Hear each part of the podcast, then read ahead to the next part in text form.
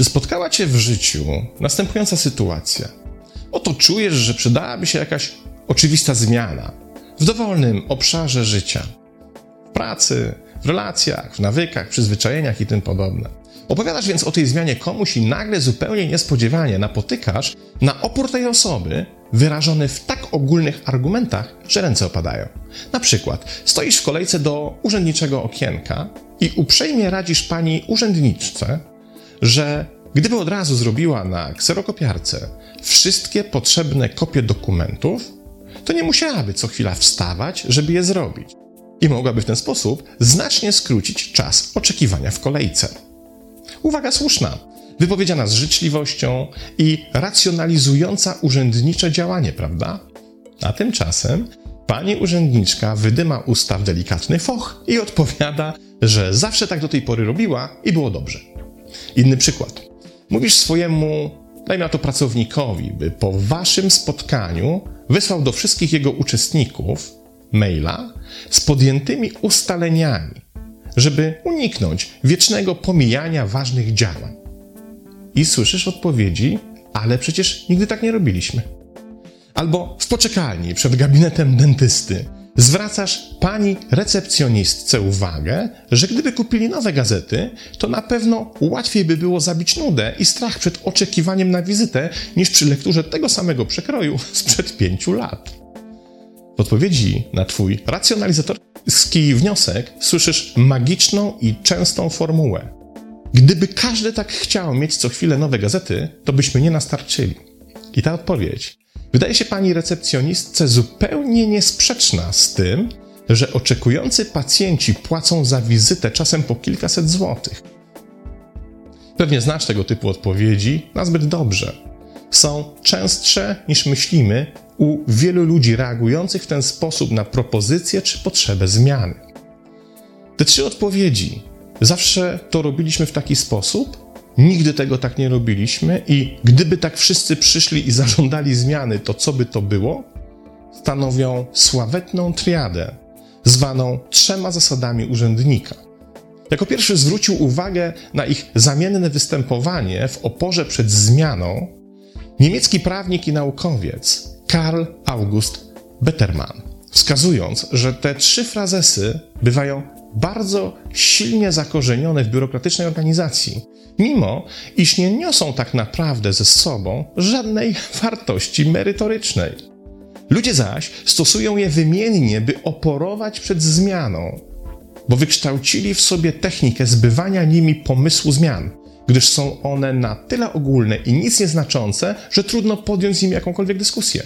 Co ciekawe, są to sformułowania zwięzłe i stanowcze, a więc takie, które skutecznie zamykają dyskusję, jednocześnie dokonując rozstrzygnięcia potencjalnego konfliktu pomiędzy orędownikiem zmiany i tym, który chce jej uniknąć, na korzyść tego ostatniego.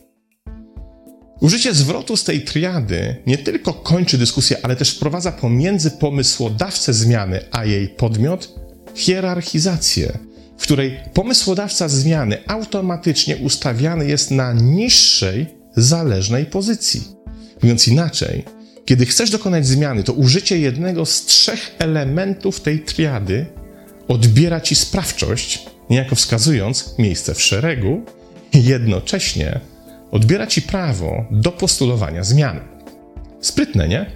Nie tylko sprytne, ale też naprawdę niebezpieczne, bo uderzające w naszą autonomię, decyzyjność i samostanowienie. Chcesz zmian? A figa z makiem. Po prostu zamykamy nad tym dyskusję.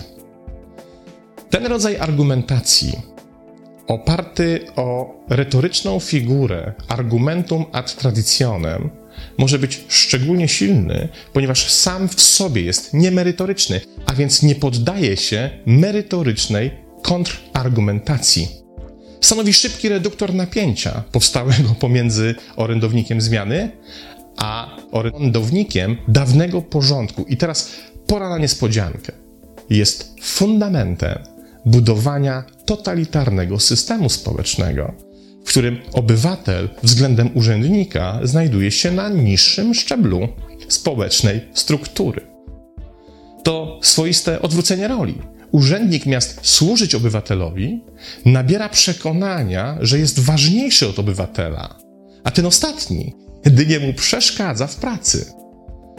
Dokładnie na tej samej mechanice działania oparte są takie odpowiedzi jak wszystko ma swój cel, to nie twoja sprawa, więc nie musisz tego wiedzieć.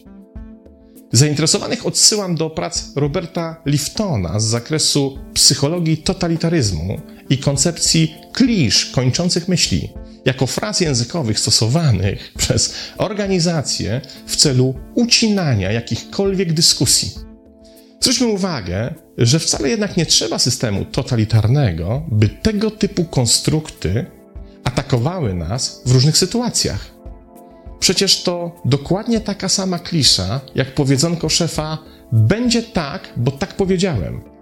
Jak powiedzonko rodzica: jestem rodzicem, więc będzie jak mówię. Czy nauczyciela: trzeba zrobić, co trzeba zrobić.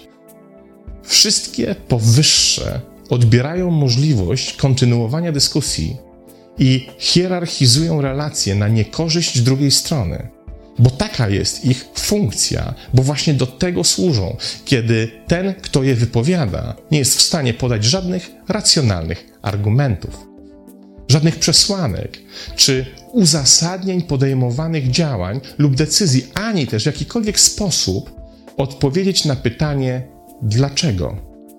Zresztą to ostatnie pytanie bywa najbardziej znienawidzone przez stosujących zasady urzędnika, czy też klisze kończące myśli. A dzieje się tak, bo wprowadza to pytanie jeszcze większy dysonans poznawczy, a więc napięcie, którego nie sposób rozładować za pomocą merytorycznej dyskusji, bo nie istnieją żadne merytoryczne argumenty. Skoro już wiemy, że mamy tutaj do czynienia wyłącznie z chwytem erystycznym, którego jedynym celem jest zamknięcie niewygodnej dyskusji, to zastanówmy się, kiedy ludzie stosują ten mechanizm i w jakim celu. Otóż stosowany jest wówczas, kiedy grunt bezpieczeństwa zaczyna się sypać spod nóg. Tutaj zaś bezpieczeństwo rozumiane jest w kategoriach tego, co znamy. Zaś niebezpieczne zawsze jest to, czego nie znamy. Z perspektywy osoby oponującej przed zmianą, Bezpieczne więc jest to, co zna, czyli dotychczasowy porządek rzeczy. Po pierwsze, nie wymaga on specjalnie myślenia, jest ustalony niejako odgórnie, więc jest zwolniony, jest się zwolnionym z pytań o jego zasadność. Jakakolwiek zmiana wprowadziłaby chaos i zamieszanie zaburzyłaby to, do czego dany delikwent jest przyzwyczajony i wymagałaby od niego zmiany myślenia, przyzwyczajeń, nawyków i działań automatycznych. Wszystko to zaś stanowi zbyt duże wyzwanie, bo trzeba by było przeprogramować system, a to zawsze bolesna operacja. To mniej więcej tak, jakby przesiąść się nagle z peceta na Maca lub odwrotnie. Ilość zmian, przyzwyczajeń, czynności, które trzeba by wykonać, zdobycia nowej wiedzy, jak działają poszczególne elementy systemu, staje się zaporowa. Wolimy więc zostać przy dotychczasowym systemie, mimo iż jego zmiana mogłaby rozszerzyć nasze możliwości.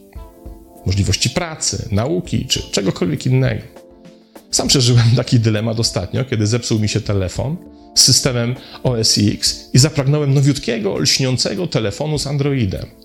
Kiedy jednak zdałem sobie sprawę, ile czeka mnie ustawień, przestawień, zmian przyzwyczajeń i nowej wiedzy, machnąłem na to ręką i postanowiłem nie zmieniać środowiska operacyjnego. Dokładnie taki sam mechanizm działa u wielu ludzi i nie chodzi o mało w sumie istotną zmianę, jaką jest sprawienie sobie nowego telefonu, ale przede wszystkim o sytuacje, w których dotychczasowy życiowy system operacyjny mocno szwankuje, przestaje działać i zaczyna przynosić nam straty. Jednak przywiązanie do dotychczasowego porządku, jednocześnie wizja utraty bezpieczeństwa, związana z pojawieniem się nowej rzeczywistości, staje się na tyle silna, że wielu ludzi woli tkwić w nieudanych, toksycznych związkach. wyczerpującej, nieprzynoszącej satysfakcji i kiepsko płatnej pracy, czy konkretnym miejscu swojego życia, zamiast poprawić swój los. I często nie chodzi tutaj o poprawę losu rozumianą jako zdobycie fortuny, e, zrobienie oszałamiającej kariery czy inne spektakularne wyczyny. Najczęściej tego rodzaju opór paraliżuje nasze możliwości nawet w sytuacji drobnych, w sumie łatwych i możliwych do osiągnięcia małych zmian, które mimo swych niewielkich wartości mają potężny potencjał zmiany naszego życia na lepsze. I wówczas nie chodzi o to, że stoimy przed urzędniczym okienkiem, wysłuchując nieskończoność, że przecież nigdy wcześniej czegoś się nie robiło i już, ale wyłącznie o to, że często to my sami w stosunku do siebie używamy tej urzędniczej triady. Ile razy sami siebie przekonujemy, że nie da się czegoś zrobić, bo do tej pory tego nie robiliśmy? Albo że do tej pory robiliśmy to w określony sposób i już. Albo że nie da się czegoś zrobić czy zmienić, bo gdyby wszyscy tak nagle chcieli się zmienić, to co by to było? A ile razy obok trzech zasad urzędnika sami względem siebie stosujemy klisze kończące myśli w stylu skoro tak jest, to widocznie tak musi być. Czy skoro tak do mnie powiedział, to tak jest. Czy też za dużo myślisz, rób co do ciebie należy. W ten sposób tak naprawdę sami dla siebie stajemy się totalitarnym urzędnikiem, który grając na obniżenie napięcia wynikającego z braku jakichkolwiek merytorycznych argumentów, pokazuje nam, że mamy się nie wychylać, a wszystko w akompaniamencie kurczącego się z każdym takim aktem naszego poczucia własnej wartości. Niestety poddanie się własnym wewnętrznym urzędniczym zasadom ma poważny, ale odroczony skutek. Na imię mu rozgoryczenie i zgorzknienie. Pojawia się na starość i jest dużo bardziej bolesny niż dokonanie najmniejszej zmiany tutaj i teraz. Pozdrawiam.